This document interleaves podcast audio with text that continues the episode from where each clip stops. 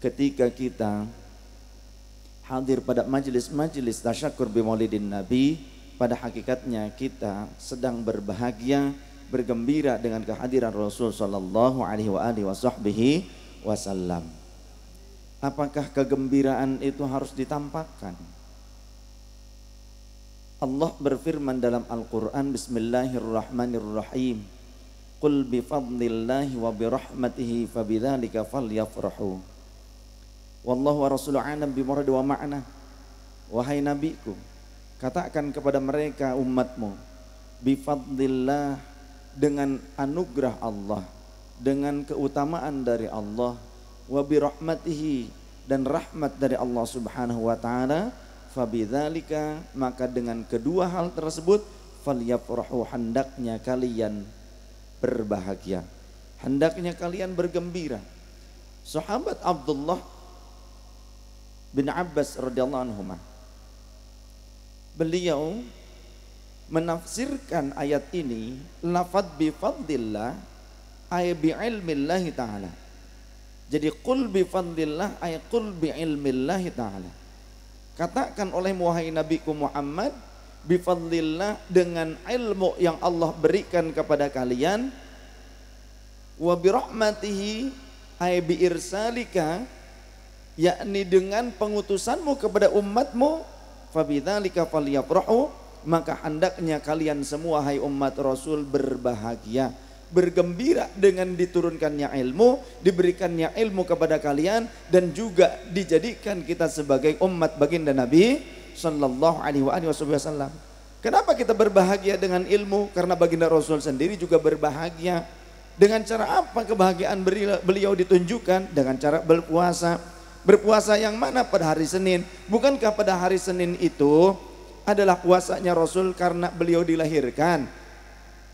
Justru memang betul Rasulullah dilahirkan pada hari Senin tapi juga di dalam hadis dijelaskan suila Rasulullah sallallahu alaihi wasallam an saumil itsnain baginda Rasul ditanya perihal puasanya setiap hari Senin faqala maka beliau menjawab fihi wulidtu di hari Senin itu aku dilahirkan wa fihi unzila alayya.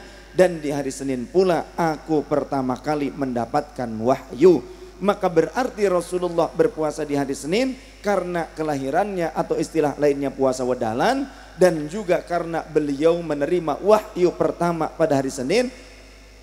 Dengan kata lain baginda Rasul mendapatkan ilmu yang sangat luar biasa. Dari Allah berupa wahyu pertama kali adalah pada hari Senin. Berarti Rasulullah bersyukur kepada Allah atas nikmat kelahirannya dan nikmat diberikan ilmu. Maka begitu pula di dalam ayat Al-Quran dinyatakan qul bi fadlillahi wa bi rahmatihi fabidzalika falyafrahu dengan ilmunya Allah yakni turunnya Al-Qur'an yakni wahyu yang disampaikan oleh Allah melalui malaikat Jibril kepada Nabi Muhammad. Tujuannya untuk apa? Untuk pengetahuan bagi umatnya mengenal syariatnya Allah maka terkandunglah dalam Al-Qur'an berbagai macam ilmu. Dengan ilmu yang Allah turunkan kepada kalian wa birahmatihi dan dengan diutusnya Nabi kepada kalian yakni kalian dilahirkan menjadi umat Nabi Muhammad falyafrahu maka hendaknya kalian berbahagia bergembira dengan dua hal agung tadi kenapa kita harus berbahagia bergembira dengan Al-Qur'an dengan ilmu karena andaikan tanpa ilmu tentu kita akan menjadi kaum jahiliyah sama sebelum dilahirkannya Nabi Muhammad wasallam. Tanpa ilmu amal pun bisa salah. Sebagaimana dalam kitab Zubat wa kullu man bi ghairi ilmin ya'malu amaluhu mardudatun. Setiap amal, setiap orang yang beramal tanpa ilmu maka bisa jadi atau kemungkinan besar ilmunya akan ibadahnya akan tertolak, amalnya akan tertolak, tidak diterima oleh Allah Subhanahu wa taala. Karena apa? Karena ada amal itu memiliki syarat-syarat sahnya. Juga amal memiliki pembatalannya. Salat syarat sahnya ada.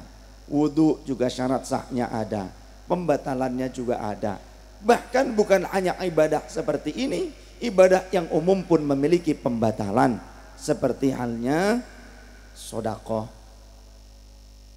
Mana sodakoh pembatalannya? La tubtilu sodakotikum bil manni wal adha. Jangan kalian batalkan sodakoh kalian pahalanya dengan mengungkit-ngungkit ataupun menyakiti orang yang menerimanya. Ini sudah ditetapkan di dalam ayat Al-Quran. Jadi banyak amal-amal yang ketika kita melanggar aturan Allah maka akan hilang pahalanya. Mengetahui aturan Allah tentu harus dengan il, ilmu. Maka ilmu didapatkan dengan cara apa? Al-ilmu bitta'allum, ilmu didapatkan dengan cara belajar mengajar. Talaki datang kepada gurunya. Bisakah ilmu didapatkan dengan menonton media sosial? Mungkin bisa, tapi tidak akan sebanyak orang yang hadir langsung talaki dengan ulama. Apakah orang yang menonton pengajian melalui media sosial, melalui aplikasi, apakah mereka juga akan mendapatkan keberkahan? Mungkin saja jika mereka ikhlas belajar karena Allah Ta'ala bisa saja ada keberkahan tapi tidak sebesar keberkahan yang akan didapatkan oleh orang yang duduk pada majelis ilmu Mana di antara perbedaannya? Orang yang nonton melalui media sosial, dia tidak melangkahkan kakinya menuju majelis ilmu. Sedangkan orang yang datang langsung talaki berjumpa dengan gurunya, setiap langkahnya akan diangkat 10 derajatnya. Langkah berikutnya akan diampuni 10 kesalahannya. Langkah berikutnya dia akan mendapatkan 10 rahmat Allah. Semakin banyak langkahnya menuju majelis ilmu untuk mendapatkan ilmu, maka semakin banyak pula dosa yang terampuni semakin tinggi derajat yang akan dicapai dan semakin banyak rahmat karunia dari Allah yang akan didapatkan. Berarti kalau begitu harus jauh begitu? Maksudnya andai pun jauh, jangan sampai itu menjadi penghalang bagi kita untuk menggapai ampunan, menggapai cinta, menggapai rahmat dan keberkahan Allah Subhanahu wa taala. Terlebih jika orang-orang yang dekat dengan majelis ilmu jika ia tidak mempedulikan majelis-majelis ilmu yang di dekatnya, berarti dia adalah orang yang tidak mendapatkan anugerah Allah. Karena anugerah Allah akan kita dapatkan ketika kita memahami hikmah, rahasia dan rahasia dari apa yang telah diciptakan Allah dan juga rahasia-rahasia dari ilmunya Allah. Yu'til hikmata mayyasha wa may yu'tal hikmata faqad utiya khairan katsira. Wa ma yadzakkaru illa ulul albab. Wallahu wa rasuluhu a'lam bimuradi wa ma'na. Allah akan memberikan hikmah rahasia-rahasianya kepada siapa pun yang Allah kehendaki. Dan siapa yang telah menerima rahasia-rahasia Allah, mampu mendapatkan rahasia-rahasianya Allah, sesungguhnya ia telah mendapatkan anugerah yang sangat agung, yang sangat besar dan tidak ada yang bisa mengambil pelajaran kecuali hanya orang-orang yang berakal. Maksudnya bagaimana? Hikmah harus dipelajari. Di mana dipelajarinya? Tentu di majelisnya orang-orang yang juga mendapatkan hikmah dari Allah. Siapa yang mendapatkan hikmah dari Allah? Orang yang telah mengajarkan ilmu yang ia dapat ilmunya sebelumnya dari gurunya Guru yang mana? Guru yang telah mendapatkan ilmu dan hikmah dari gurunya. Guru yang mendapatkan hikmah dari guru sebelumnya, dari guru sebelumnya, dari guru sebelumnya, terus dari baginda Nabi Shallallahu Alaihi Wasallam. Maka bagi kita orang-orang ahlus sunnah wal jamaah, perjumpaan kita dengan guru merupakan salah satu bukti bahwa ilmu yang kita terima adalah ilmu yang bisa dipertanggungjawabkan. Itulah silsilah ilmu. Sanad ilmu Al-Imam Abdullah Ibn Mubarak menyatakan dinukil di dalam kitab Syarah Sahih Muslim oleh Imam Muslim Al-isnadu minad din sanad ilmu merupakan bagian daripada agama penting diperhatikan. Falaulal isnad andaikan kita tidak memperhatikan sanad ilmu faqala man syaa ma syaa maka orang akan berkata dengan serampangan. Semua orang akan berbicara seolah-olah dia faqih padahal dia adalah orang yang bodoh. Maka di akhir zaman ini kata baginda Rasul qalilul ulama kathirul khutbah akhir zaman ulama semakin sedikit tapi orang yang pandai bicara semakin banyak. Orang pandai berpidato pandai bertausiah pandai untuk menyampaikan kalimat-kalimat agama seolah dia memang paham dengan agama itu semakin banyak tapi ulama semakin sedikit tapi bagaimana kita bisa membedakannya. Sedangkan semua orang terlihat seperti ya benar. Maka kita perhatikan apakah dia memiliki sanad ilmu. Jika dia memiliki sanad ilmu, ilmunya bisa dipertanggungjawabkan. Karena dari mulai baginda Rasul sampai sekarang tidak akan pernah berubah entah kalimat dan juga maqasidus syariah dari ilmu yang disampaikan. Tapi jika tidak memperhatikan sanad ilmu, kalimatnya, matannya, redaksionalnya tidak berubah. Ayat Quran tidak berubah, sunnah atau hadis Rasul tidak berubah, tapi pemahaman bisa saja berubah. Seperti itu caranya. Contoh, ada beras ketan. Ada beras ketan. Disuruh bikin tape. Disuruh bikin tape. Tapi ternyata tidak semua orang akan mampu untuk bisa membuat tape. Ada orang yang benar ngeliat gurunya membuat tape, dia berhasil membuat tape. Tapi ada orang yang ternyata tidak mendapatkan ragi, maka dia tidak bisa membuat tape dengan sempurna. Yang ada malah jadi raginang. Ragi, raginang. Apa? What is the meaning of raginang? Ragi nah ente menang. Ternyata raginang. Karena raginya tidak dapat, akhirnya tape nggak jadi, kemudian nunggu ada yang jualan ragi, nunggu dapat ragi, keburu kering. Keburu kering itu. Ya. Akhirnya kagok sudah kering, kemudian dijemur. Ya dijemur daripada dimakan, selesai dijemur langsung dimakan kan keras. Yang ada kuntu somplak Akhirnya digoreng. Ketika digoreng mengembang, nasi bukan, tape bukan, namanya ragi, raginang. Itulah perumpamaan orang yang tidak memiliki sanad ilmu, tidak belajar langsung. Makanya kata Rasul, al-ilmu bit ta'allum, ilmu itu harus belajar secara langsung. Kalau tidak belajar langsung bisa salah kaprah. Yang akhirnya Qur'annya betul, Qur'an tidak berubah tapi pemahaman bisa saja berubah. Bahkan Allah sudah menyatakan dalam Al-Quran, ثُمَّ أَوْرَثْنَا الْكِتَابَ الَّذِينَ اصْطَفَيْنَا مِنْ عِبَادِنَا فَمِنْهُمْ ظَالِمٌ لِنَفْسِهِ وَمِنْهُمْ مُقْتَصِدٌ وَمِنْهُمْ سَابِقٌ بِالْخَيْرَاتِ بِإِذْنِ اللَّهِ Telah kami wariskan Alkitab ini, Al-Quran ini kepada hamba-hamba kami yang terpilih, tapi tidak semuanya mendapatkan rahmatnya Allah, tidak diridhoi Allah semua. Yang pertama faminhum zalimul li nafsi ya hafal Quran tapi bertentangan dengan substansinya Al-Qur'an dengan maqasidus syariah. Yang kedua wa minhum sabiqum bil khairati biidznillah wa minhum muqtasid. Yang pertama wa minhum zalimul li yang kedua wa minhum muqtasid. Ada orang yang separoh-separoh dipakainya. Hafal seluruh Al-Quran, tapi sebagian yang dipakai, sebagiannya justru ditentang atau diingkari yang ketiganya orang yang hafal Quran dan memang benar-benar berupaya mengamalkan keseluruhan daripada substansinya Al-Quran. Maka tak heran jika sekarang ada orang mengaku membuka majelis tafsir Al-Quran, tapi justru secara hakikiyah dia telah keluar dan bertentangan dengan substansi atau makosidus syariahnya dari Al-Quran. Sekarang banyak orang membuat majelis tafsir Al-Quran. Seperti di wilayah Kelari ini ada MTA. Majelis Tafsir Al-Quran. Padahal bukan tafsir yang dikajinya terjemahan Al-Quran.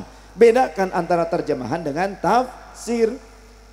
Karena kalau kita tidak mempelajari ilmu tafsir, hanya terjemahan di aku-aku sebagai tafsir, pasti salah kaprah. Contoh orang-orang yang mengaku ikut serta dalam majelis tafsir Al-Quran tu MTA, mereka beriktikad bahwasannya orang yang telah meninggal tidak akan mendapatkan pahala dari bacaan Al-Quran kah, dari sodakoh kah yang dilakukan oleh orang yang masih hidup. bantuan dari orang yang masih hidup tidak akan sampai kepada orang yang telah wafat menurut orang yang mengaku membuat majelis tafsir Al-Quran. Padahal majelis anti Al-Quran yang benar. Mereka menggunakan ayat Quran dalilnya betul. Wa allaysa lil insani illa ma dan manusia tidak akan mendapatkan apa pun kecuali apa yang telah mereka upayakan ketika hidupnya. Berarti manusia tidak akan mendapatkan sokongan pahala, hadiah pahala seperti halnya kita sering menghadiahkan Al-Fatihah. Al-Fatihah ila ruh. Al-Fatihah ila hadratin Nabi sallallahu alaihi wasallam wa ala alihi wa ashabihi wa azwajihi wa dzurriyyati ahli baitil kiram. Thumma ila arwahil ulama. Dan selanjutnya. Wa ila ruhi abaina wa ummatina. Atau ila ruh fulan bin fulan. Itu namanya hadiah. Tapi banyak orang yang awam menyebutnya tawassul. Itu namanya hadi, hadiah atau ihda bil fatihah. Tapi juga sebetulnya ada di dalam beberapa redaksi hadiah al-fatihah yang digabungkan dengan tawassul. Redaksi tawassul seperti apa kalimat tawassulnya? Annallaha yu'ali darajatihim fil jannah wa fauna bi asrarihim wa anwarihim wa ulumihim wa nafahatihim fid dini wa dunya wal akhirah lahumul fatihah. Jangan syai'un lillah syai'un lillah jangan. Kagok rancu Kata Syekh Ashmawi, saya punya ulama ahli ilmu gramatika Arab dan juga ahli usul fiqih. Syekh Ashmawi beliau berkata, gak usah pakai syai'un lillah, langsung saja lahumul fatihah. Kalau kita menghadiahkan al-fatihah, al-fatihah ila ruh, fulan fin fulan fulan bin fulan, annallaha yang lahum yarhamuhum wa yu'li darajatihim fil jannah wa yanfa'una bi asrarihim wa anwarihim wa ulumihim wa nafatim fid din wa dunal akhirah. Lahumul fatihah. Langsung lahumul fatihah. Gak usah pakai syai'un lillah kenapa? Rancu nanti maknanya. Kalau belajar ilmu gramatika Arab pasti paham. Ya jadi langsung lahumul fatihah. Yang biasa pakai syai'un lillah langsung saja pakai lahumul fatihah. Tapi bagaimana kalau tetap pakai syai'un lillah, syai'un lillah, lahumul fatihah, syai'un lillah, lahumul fatihah. Ya sudah nggak apa-apa. Sing penting jangan ninggalkan hadiahnya. Teruskan dilaksanakan. Daripada nanti karena dilarang pakai syai'un lillah jadi wahabi nanti. Nggak mau hadiah fatihah sama sekali. Nah menurut mereka itu tidak sampai katanya berlandaskan ayat Quran wa allaisa lil insani illa sa'a. Padahal kalau kita mau belajar ilmu tafsir tentu kita akan fahami dalam konteks hukum itu dari keseluruhan sudut. Dari setiap dalil yang memang tersambung dan terhubung dengan apa yang sedang kita kaji. Jika kita mengkaji tentang dalil atau dasar hukumnya hadiah pahala, tentu kita tidak akan hanya menggunakan satu dalil. Istinbat hukum tidak hanya menggunakan satu dalil. Wa allaisa lil insani illa masa'a. Ini ayat Quran, betul ayat Quran. Masih ada dalam Al-Quran? Masih ada. Tapi perlu difahami. Huruf pertama dari ayat ini adalah huruf wawu. Wawu artinya dan. Huruf atof Atof itu tergantung maktuf alehnya. Artinya harus ada korelasi, pasti ada korelasi dengan ayat sebelumnya.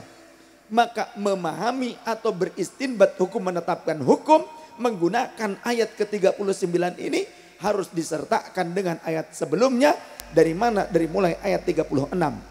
Am lam yunabba bima fi suhufi Musa wa Ibrahim alladhi waffa alla taziru waziratu wizra ukhra.